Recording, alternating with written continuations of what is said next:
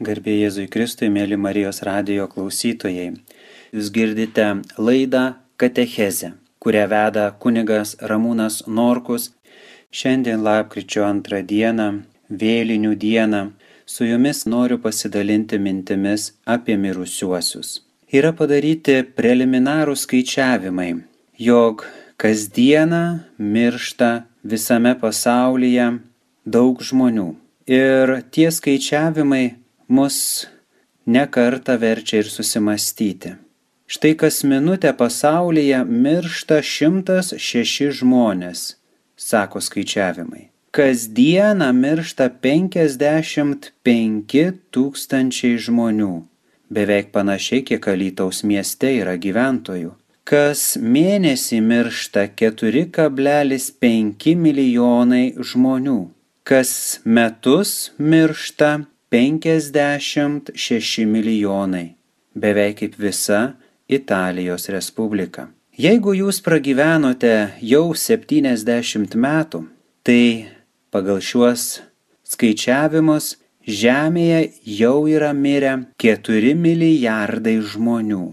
Taigi, žmogus neišvengia mirties. Ši žinia pasiekia kiekvieną žmogų, kiekvieną šeimą. Žmogus miršta bet jo siela gyvena amžinai. Koheleto knyga trečiame skyriuje vienuoliktoje eilutėje rašo, Dievas žmogui į širdį įdėgė amžinybę. Todėl siela gyvena per amžius, nors ir žmogaus kūnas yra miręs ir palaidotas. Galime atsiriboti nuo mirties, galime apie ją negalvoti, jos nepriimti, nepripažinti ar dar kaip kitaip galvoti, Bet kai ištinka kokia nors lyga arba būsime labai labai arti mirties, patikėkite, mūsų kiekvieno mintis suksis apie mirtį, apie pomirtinį gyvenimą, apie tai, o kaip bus po mirties. Dievas yra ar nėra, įvairiausių klausimų kils. Net ir tie, kurie netiki, po mirties nenueina į niekur. Kartą buvau pakviestas į laidojimo namus. Atvykus mane pasitiko mirusiojo sūnus ir jis iš karto pasisveikinęs man sako, kunigė, kalbėkite kiek galime trumpiau. Ir pridėjo, mes netikintys. Mano tėtis netikėjo. Jūs čia pakvietėme tik todėl, kad taip nusprendė giminaičiai. Ir nueidamas dar pridūrė, pakaks keletą žodžių. Brolis sesė, kokia baisi mirtis be Dievo, be šventųjų mišių.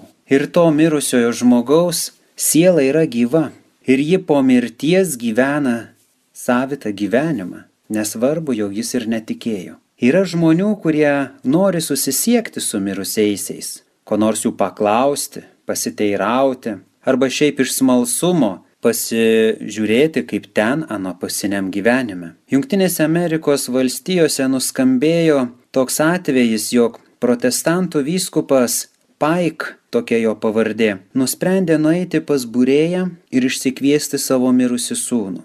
Uždavęs keletą klausimų ir patikrinęs, ar tikrai tai yra sūnus, įsitikino vyskupas, kad tai, ko jis klausė, žinojo tik jis ir sūnus, atsakymai buvo teisūs. Jis tada paklausė, Sūnau, ar girdėjai, ką nors kalbant apie Jėzų ten, kur tu esi? Sūnus atsakė, ne tėti, čia tikrai niekas nekalba apie Jėzų.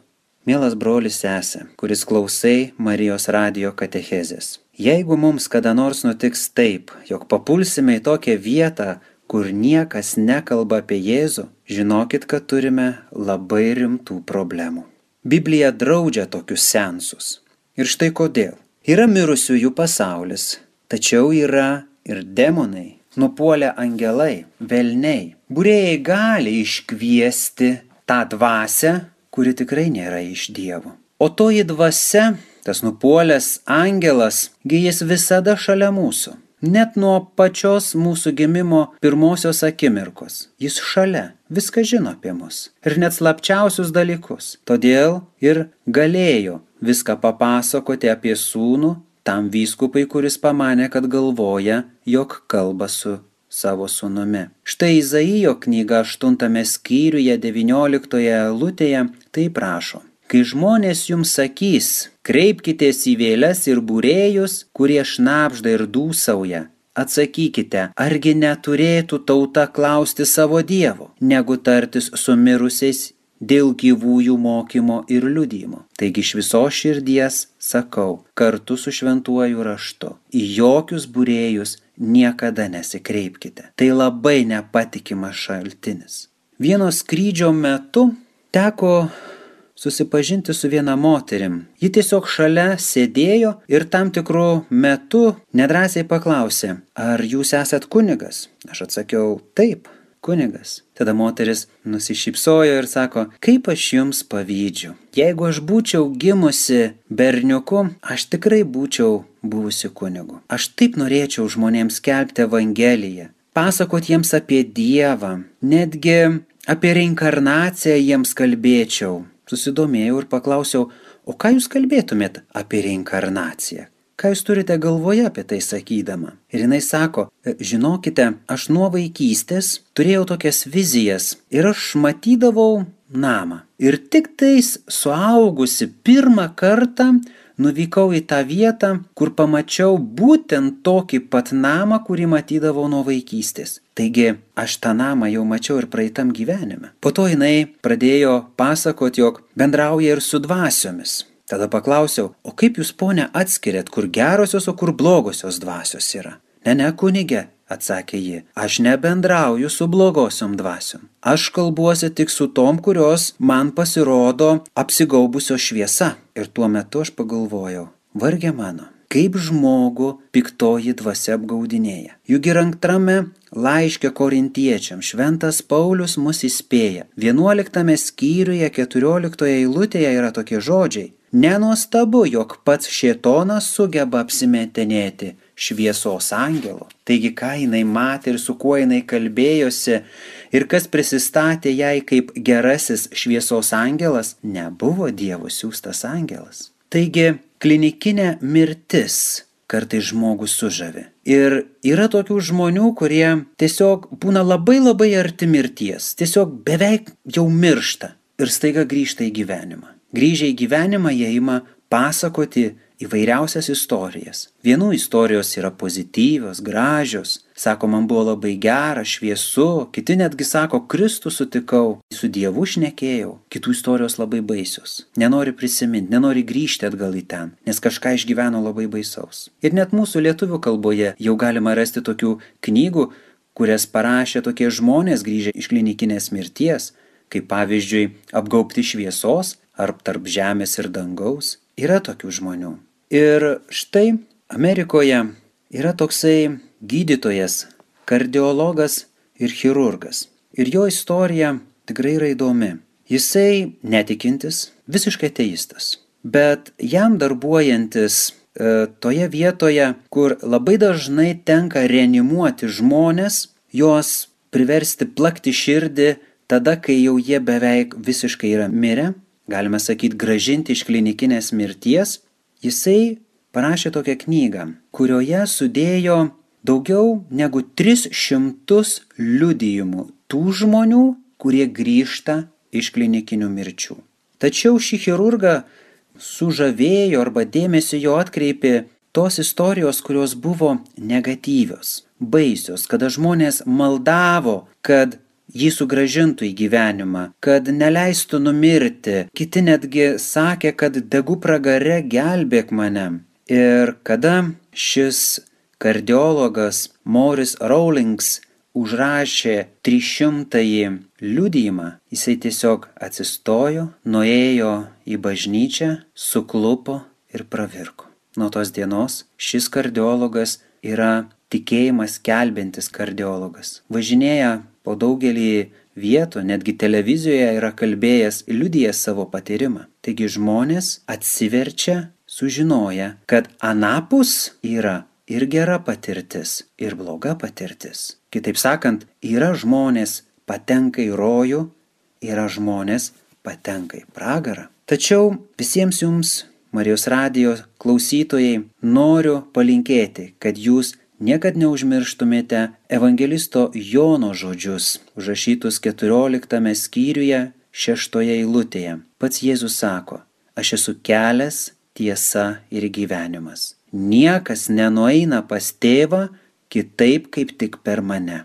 Kreipkimės į tą, kuris jau buvo miręs. Į tą, kuris nuėjo į tuos pragarus ir prisikėlė. Vat jis tai tikrai žino, kas tai yra ta teisinga mirtis, kurią žmogus tikrai gali patirti po savo mirties. Štai apreiškimo Jonui e, knygoje pirmame skyriuje 18 eilutėje skaitome šitokius žodžius.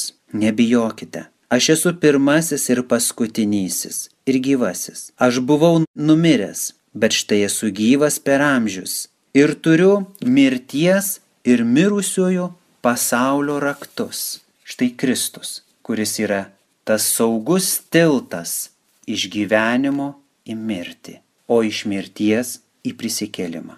Mėly Marijos radio klausytojai, kol muzikinės petraukėlės metu klausysimės Šiaulių katedros jaunimo gėdamos giesmės kredo, noriu paprašyti, kad apmastytumėte šiuos girdėtus žodžius.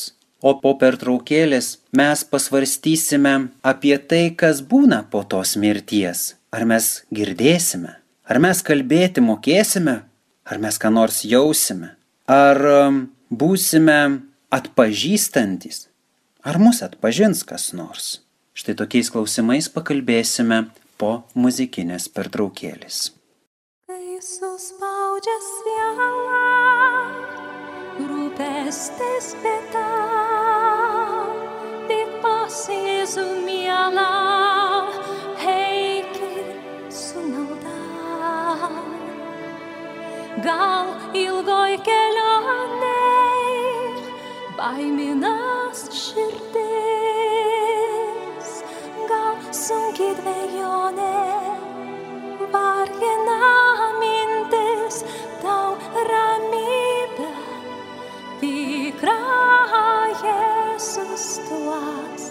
tau ramybę, tikra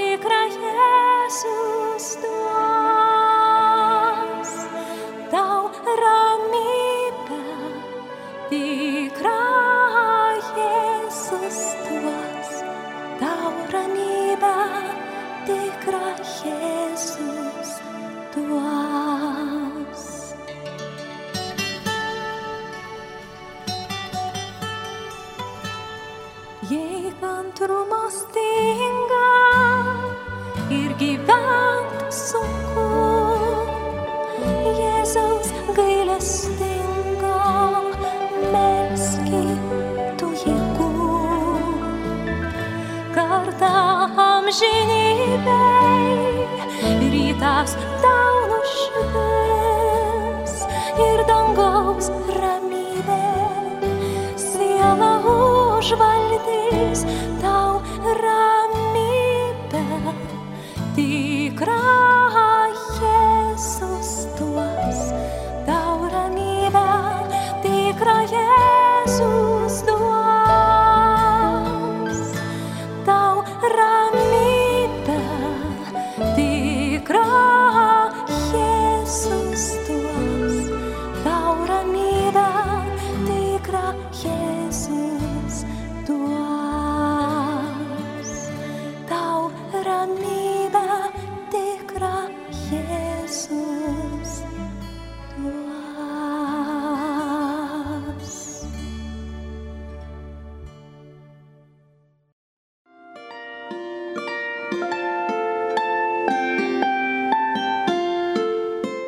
girdite Marijos radiją.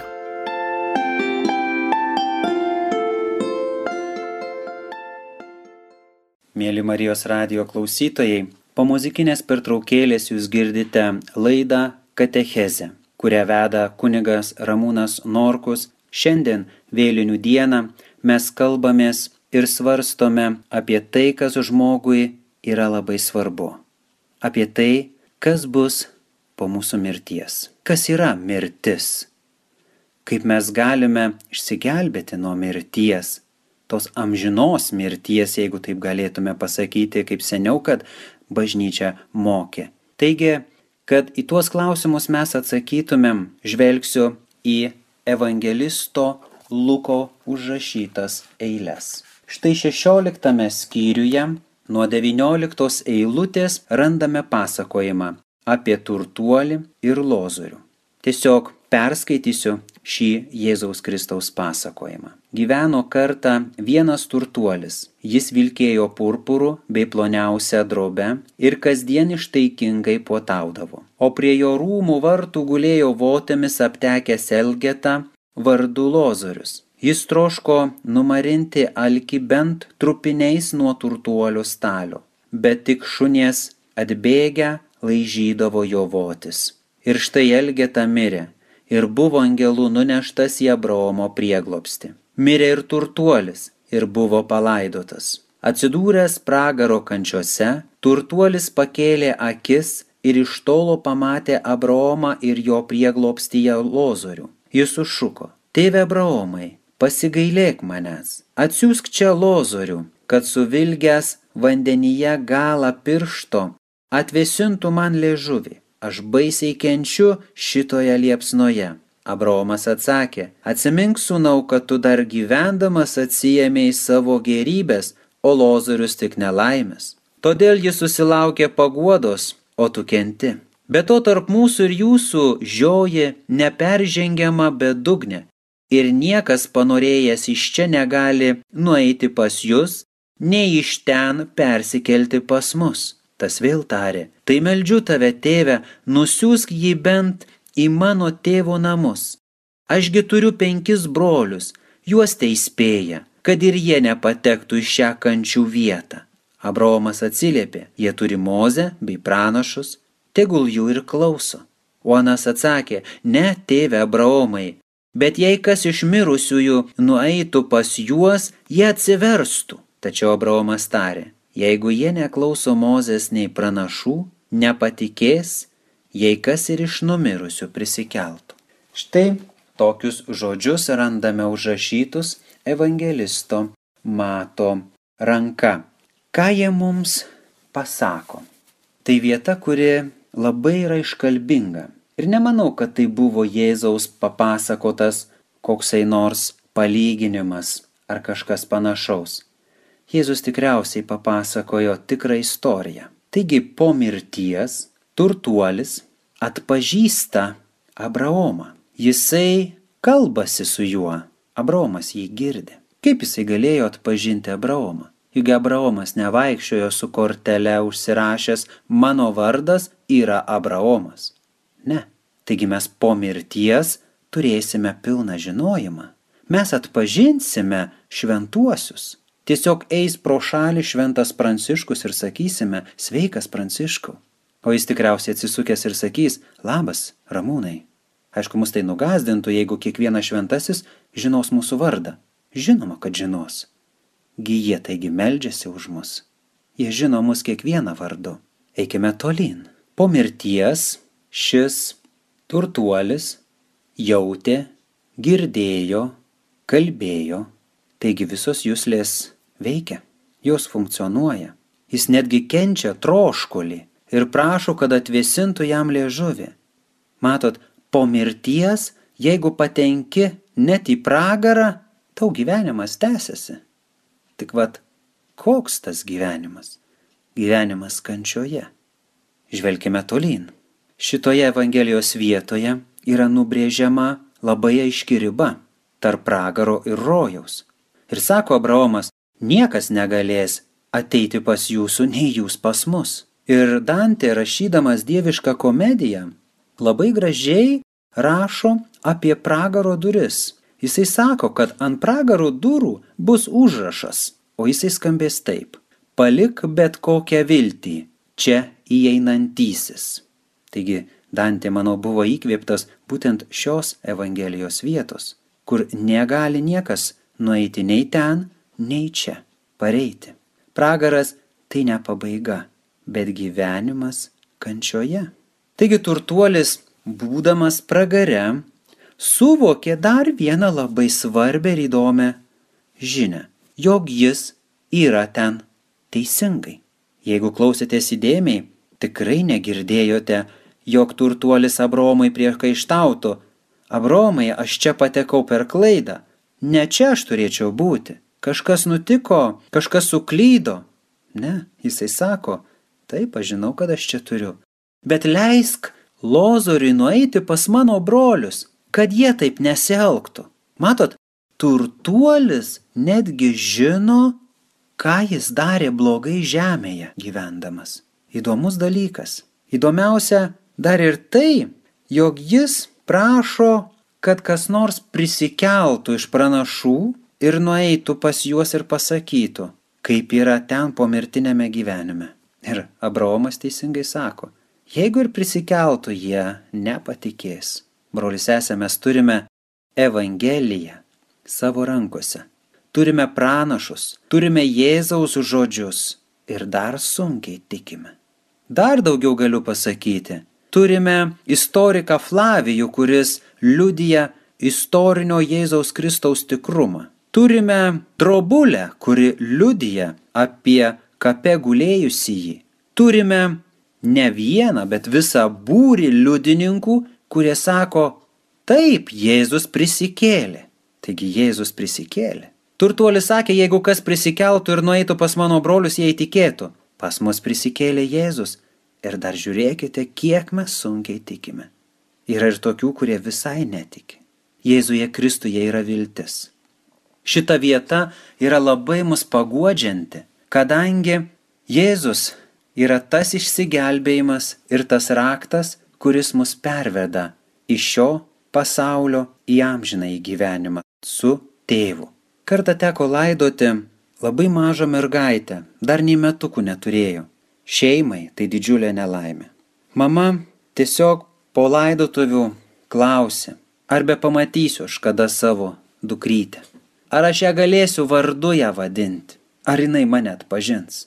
Turint minty šią Evangelijos vietą, tikrai galime drąsiai atsakyti - taip, tu susitiksi su savo dukra. Jinai tave vardu vadins, tu ją atpažinsi. Žvelgiant tolyn, drąsiai noriu sakyti, jog mirties nereikia bijoti.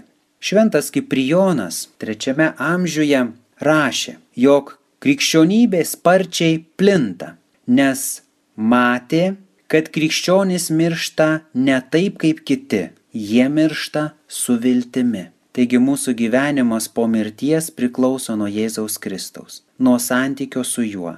Šventosios mišios yra ypatingai svarbios, nes kas valgo mano kūną ir geria mano kraują, tas pasilieka manyje ir aš jame sako evangelistas Jonas šeštame skyriuje. Taip, yra mirusiųjų, kurie pateko iškart į dangų.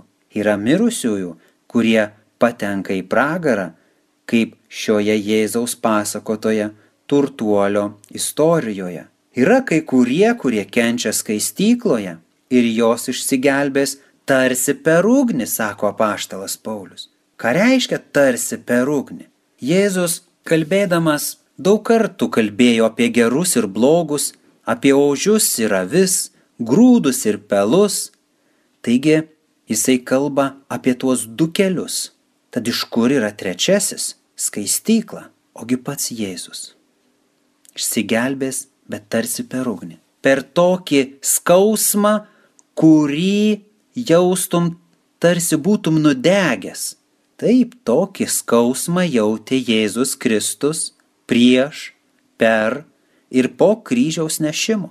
Toji kančia, mirtis ir prisikėlimas ir yra šventosios mišios, į kurias mes susirinkame. Užsakykite šventasias mišes už mirusiuosius. Kodėl? Ogi štai galiu pateikti keletą pavyzdžių. Prisimenate, evangelistas mums pasakoja apie Mortą, kuri kreipėsi į Jėzų dėl savo mirusio brolio Lozoriaus ir prašė jo pagalbos. Jėzus ką pasakė? Morta, ar tu tiki? Kai jinai išpažino savo tikėjimą, kad jinai tiki, jos malda buvo išklausyta, nes tikėjo. Arba kitas atvejis - sinagogos vyresniojo dukra miršta. Ir Jėzus sinagogos vyresniajam sako, nenusigask, vien tikėk. Kada sinagogos vyresnysis linkteli galvą ir sako, tikiu, dukra atgyja. Štai kodėl yra reikalingos šventos mišios. Nes mes prašome paties Jėzaus. Jėzau, padėk, kad mano artimieji gyventų per amžius tavo prieglopstyje, Dievo tėvo veido šviesoje, prie mirusiųjų kapų dabar skubame ir nešame po žvakelę. Ką reiškia toji žvakelė? Žvakelė ir yra toji šviesa, kurią atneša prisikėlęs Jėzus į mirusiųjų tamsybės. Į tas tamsybės, kur nėra vilties, į tas tamsybės gal kur net ir tikėjimo nėra. Jėzus prisikelia ir nušviečia mirties tamsybės. Jis stipresnis yra už mirtį. Prie mirštančiųjų savo artimųjų nepamirškite kalbėti gailestingumo vainikėlių. Išgirskime šventosios Faustinos raginimą, kad per pasitikėjimą Dievu mes galime nueiti į amžiną į gyvenimą. Kai išgirsite skambant bažnyčios varpus lietai, tarsi liūdnu ritmu, atsiminkite, kad šiuo metu yra laidojamas kažkas iš mūsų, mūsų brolis ir sesuo, pakrikštytasis. Ir bažnyčia varpų skambesio prašo visos bendruomenės, kur tu bebūtum, mašinoje, ligoninėje, namuose, sukalbėk amžinąją atilsi už tą žmogų. Štai kam reikalingi bažnyčioje varpai. Ne kad siela kažkaip įkeltų į dangų, ar paskambintų po dušių ir žmogus bus išganytas.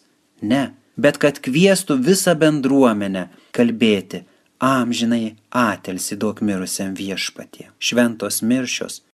Už mums brangius mirusiuosius yra pati didžiausia dovana. Ir ne vien tik tai jum, jiems, bet ir mums, kurie dalyvaujame šiuose šventose mišiuose.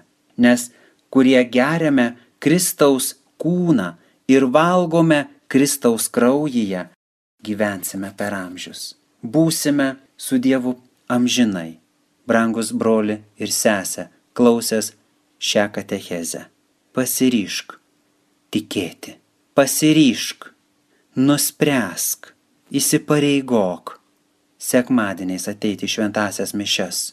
Jeigu matai, kad tau kažkas kliudo priimti šventąją komuniją, eik iš pažinties. Niekas kitas, nei Būda, nei Mahometas, niekas net leidžia nuodėmių. Jėzus Kristus Dievo tėvo vardu ir šventosios dvasios gale atleidžia mums nuodėmes. Tai yra nuostabu. Jis nutyrina mūsų sielą ir nori, kad mes visada per amžius būtume su juo laimingi. Vienas šventasis yra labai gražiai pasakęs, viešpats Dievas, atleisdamas nuodėmes, tiesiog nežvelgia į mūsų ateitį, nes žino, kad gal mes vėl nusidėsime. Jisai nežvelgia todėl, kad mums suteikti visuotinius atlaidus. Dalyvaudami šioje vėlinių oktavoje iki pat lapkričio 9 dienos jūs galite pelnyti visuotinius atlaidus savo brangiems mirusiesiems. Išnaudokite tą progą, kad nereiktų taip kaip turtuoliui po mirties maldauti, kad kažkas nueitų pas gyvuosius ir pasakytų, negyvenkite taip, nes aš žinau, kad klydau. Būk sažininkas. Pripažink, kad klysti, jei gyveni nuodėmiai, kelkis iš jos, grįžk prie Jėzaus ir būk laimingas ne tik žemėje, bet ir per amžius danguje. Kunigas Ramūnas Norkus. Amen.